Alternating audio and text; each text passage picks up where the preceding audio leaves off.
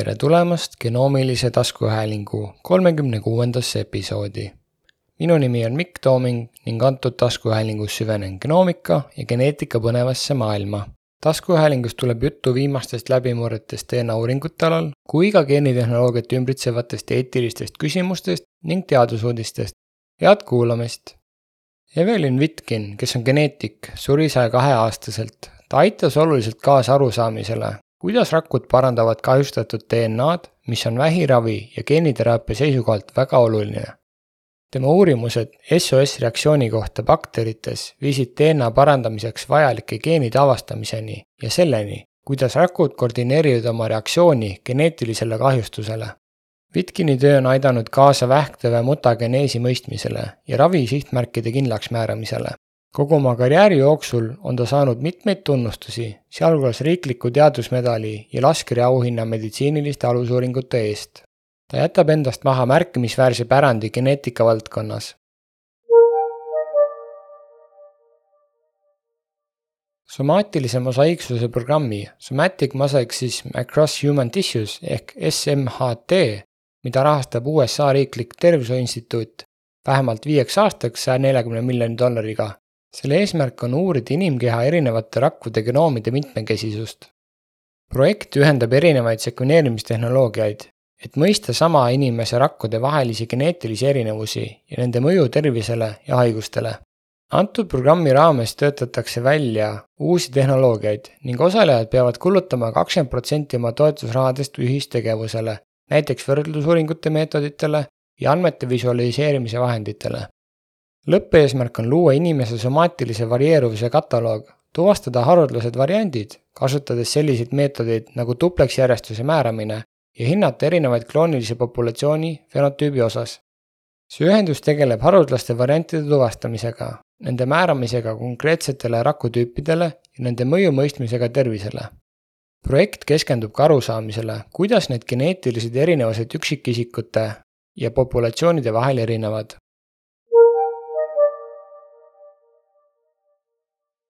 USA-s tekitas tornaado märkimisväärset kahju Pfizeri ravimitöötlusüksusele Rocky Mountanis, mis võib mõjutada kogu USA haiglates kasutatavate ravimite kriitilisi varusid.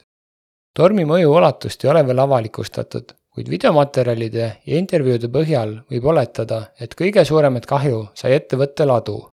umbes veerand Pfizeri süstitavatest ravimitest, mida ta tarnib USA haiglatele, toodetakse selles kohas, sealhulgas operatsioonides, valuravi infektsioonitõrjes kasutatavad ravimid.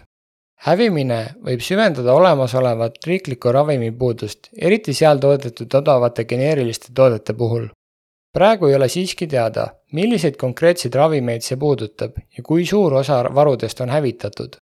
Pfizeri Rocky Mount rajatises töötab neli tuhat viissada inimest ja see mängib olulist rolli ravimite tarnimisel mitte ainult Ameerika Ühendriikidesse, vaid ka teistesse riikidesse ettevõte ei ole veel esitanud üksikasju tornaado põhjustatud puudujääkide mõju või ulatuse kohta. Pfizer peaks teatama oma tulemustest FDA-le, mis jälgib ravimi puudujääke.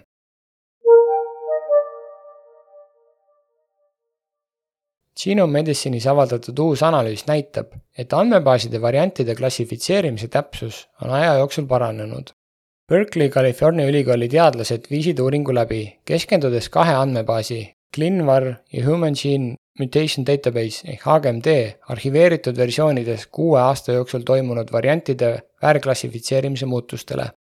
teadlased uurisid konkreetselt ainevahetuse kaasasündinud vigadega seotud variante.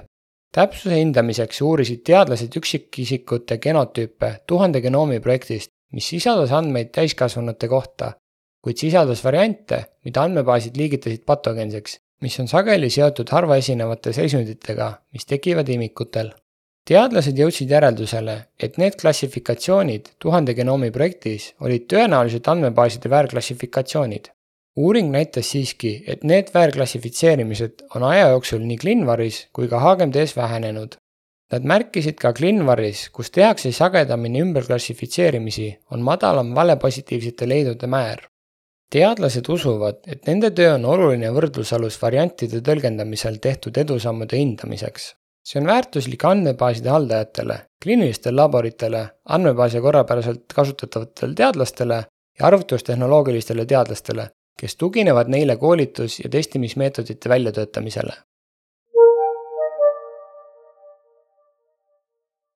uues uuringus, mis on avaldatud ajakirjas JAMA Network Open, soovitab Kyoto ülikooli haigla juhitud töörühm, et terviklik genoomiline profiil ehk CGP võib olla kasulik ravijuhiste koostamisel kaugele arenenud soliidse vähiga patsientidele, kes ei ole varem saanud keemiaravi. Jaapanis on CGP praegu piiratud patsientidega, kes on saanud standardravi või harva esinevate vähivormidega, kellel ei ole standardseid ravivõimalusi enne kui CGP saab standardraviks, on vaja rohkem tõendeid selle kliinilise kasulikkuse kindlaks tegemiseks.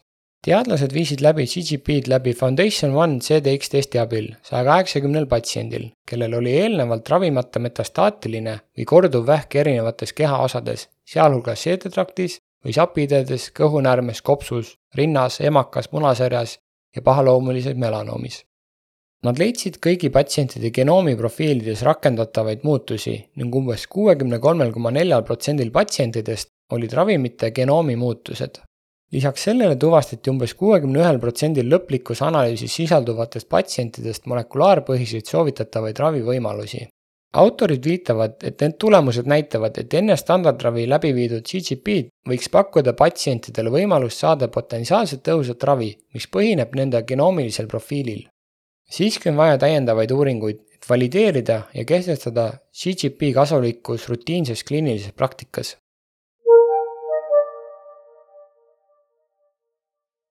HubMapi uurimusrühmad on loonud erinevate inimorganite võrdlusrakkude kaardid, kasutades täiustatud tehnikat nagu RNA ühe raku sekveneerimine ja tehisintellekt.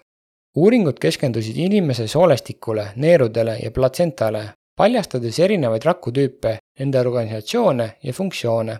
Need kaardid aitavad eeldatavasti kaasa haiguste mõistmisele, määratledes rakkude ruumilisi seisundeid.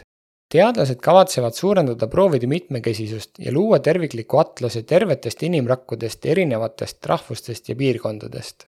HubMapi eesmärk on saada ühe raku resolutsiooniga atlas umbes seitsmekümne inimorgani kohta, mis annab üksikasjaliku ülevaate tervetest rakkudest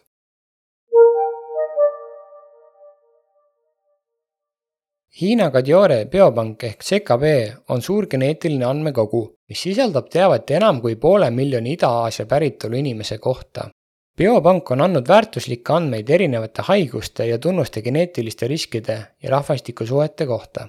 uuringus osalejad on esitanud andmeid, sealhulgas küsimustikke, füüsilisi mõõtmisi ja vereproove, vähemalt viisteist aastat uurimisrühm viis geneetiliste andmete põhjal läbi kogu genoomi hõlmava assotsiatsiooni uuringu ehk GWAS-i keskendudes kahesaja kahekümne nelja erinevale seisundile, mille tulemusel avastati uusi ja teadaolevaid geneetilisi riskivariante selliste haiguste nagu kodade virvendus, diabeet ja depressioon. eeldatakse, et CKB tulemused aitavad kaasa ülemaailmsetele jõupingutustele krooniliste haiguste ennetamisel ja ravimisel, kuna need aitavad tuvastada erinevate haigustega seotud geene ja radu. CKB osalejate geneetilised profiilid annavad ka ülevaate erineva Hiina populatsioonide geneetilisest mitmekesisusest ning heidavad valgust varasematele rahvastikuliikumistele ja suhetele riigisiseselt. biopanga ulatuslikud geneetilised andmed pakuvad eeldatavasti ka väärtuslikku teavet haiguste uurimiseks ja populatsiooni uuringuteks.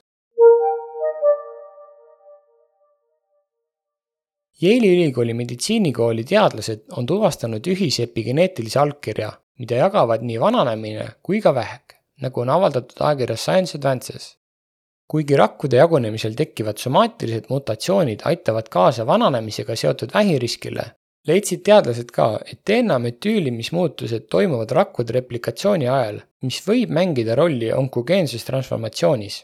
töörühm keskendus allkirja nimega Cellular Division and Replication Induced Fingerprint ehk cell drift, uurides DNA metülatsiooni muutusi immortaliseeritud loote astrotsüütides replikatsiooni ajal analüüsides seda allkirja erinevates koetüüpides, nii vähkkasvaja kui ka mittekasvaja koes, täheldasid nad, et see suureneb vanusega ja suudab eristada kasvajakuded tervedest kudedest. teadlased oletavad, et kuigi koespetsiifilised tüvirakkude jagunemiskiirused võivad aidata kaasa vähiriski algtasemele erinevates kudedes, võivad individuaalsed erinevused vähiriskist tuleneda ka erinevatest epigeneetilistest vananemiskiirustest Nad rõhutavad vajadust uurida sekkumist, et aeglustada või pöörata epigeneetiliste muutuste kuhjumine vanusega.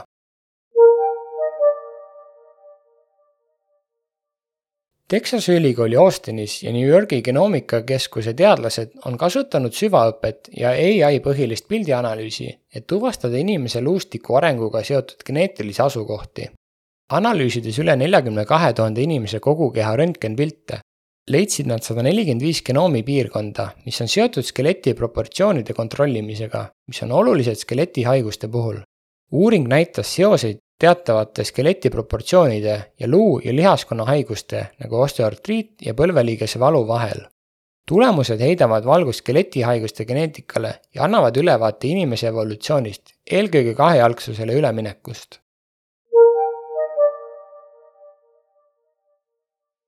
Eksoomi sekveneerimine on osutunud väärtuslikuks seletamatu epilepsiaga laste diagnoosimisel, selgub ajakirjas JAMA Network Open avaldatud uuringust. Bostoni lastehaigla teadlased viisid eksoomi sekveneerimise läbi viiesaja kahekümne teisel seletamatu epilepsiaga lastel ja nende vanematel. Nad tuvastasid edukalt geneetilised diagnoosid sajal patsiendil, mis moodustab umbes üheksateist protsenti kogu kohordist.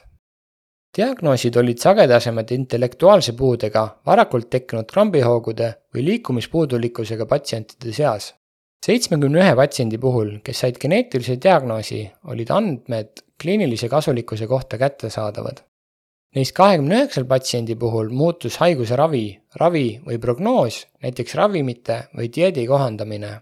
Lisaks sellele väljendasid perekonnad emotsionaalset kergendust, vähenenud süütunnet ja lootust nende puhul, kes jäid diagnoosimata, teades, et edasised uuringud on käimas. kokkuvõttes rõhutab uuring eksoomi sekveneerimise potentsiaali otsustava tähtsusega diagnooside andmisel ja seletamatu epilepsiaga laste kliinilise ravi parandamisel lisaks sellele mõjutab see positiivselt patsiente ja nende perede emotsionaalset heaolu, pakkudes lootust ja kergendust pärast pikka diagnostilist teekonda. In vivo Scribe Leukostrat CDX FLT3 mutatsioonidest on saanud USA Ravimiametilt heakskiidu FLT3 ITD positiivse ägeda müeloidse leukeemiaga ehk AML-i patsientide valimiseks, kes võivad saada ravi Daiichi Sankyo Vanflyta ehk teise nimega Quisaratinib'iga.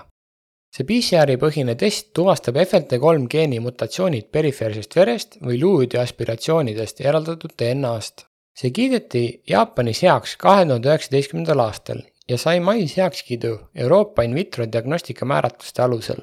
test on heaks kiidetud ka kaasnevaks diagnostikaks AML-i patsientidele, kes kaaluvad ravi Novartise Rüdapiga või Astellas Pharmaca Xospataga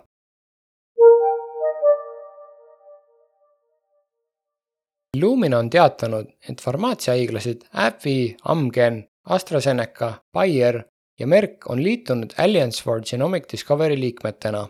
see algatus käivitati koostöös Nashville Bioscience'iga eelmisel aastal ning keskendub biopangale ja genoomilistele andmetele.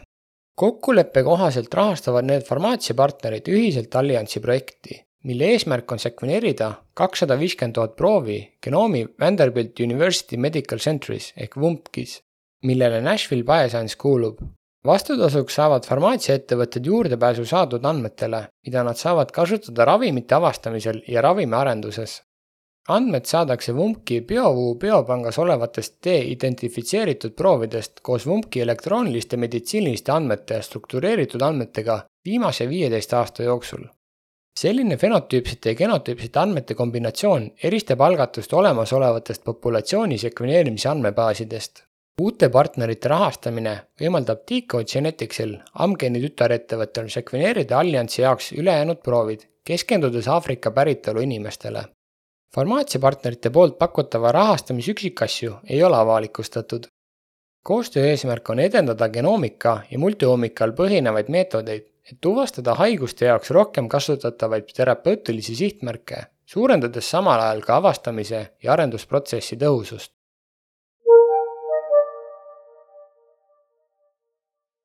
Reviti ehk endine Berkin-Elmer on toonud turule Fontus automatiseeritud tööjaama järgmise põlvkonna sekveneerimise ja diagnostiliste uuringute jaoks. tööjaam on varustatud täiustatud tarkvara ja plaatide ümbervormindamise üheksakümne kuuese või kolmesaja kaheksakümne neljase array pea koos osalise otsiku laadimisega ning integreeritud lisaseadmetega nagu termotsükler ja laboritarvikute haaratsid. See parandab varasemate Reviti platvormidega võrreldes tekile juurdepääsu ergonoomika ja korpuse osas. lisaks on saadaval ka eelkonfigureeritud NGS-i mudel, mis võimaldab kiiret ja täpset NGS raamatukogude ettevalmistamise automatiseerimist. Reviti taotleb ka IVTR-i registreerimist ja alustab varsti tarnimist. Somalogic ja Dante Genomics on sõlminud partnerluse, et pakkuda Euroopa teadlastele teenuseid Somalogici Somascan proteomical platvormi abil.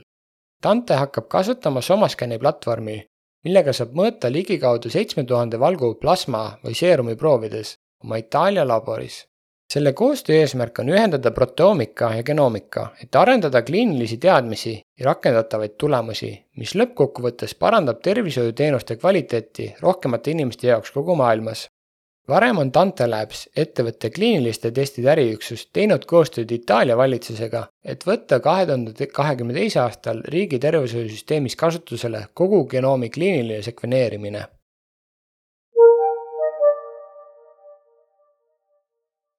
kui märkasid mõnda huvitavat uudist või sul on küsimusi, saad mulle kirjutada genoomiline at gmail.com.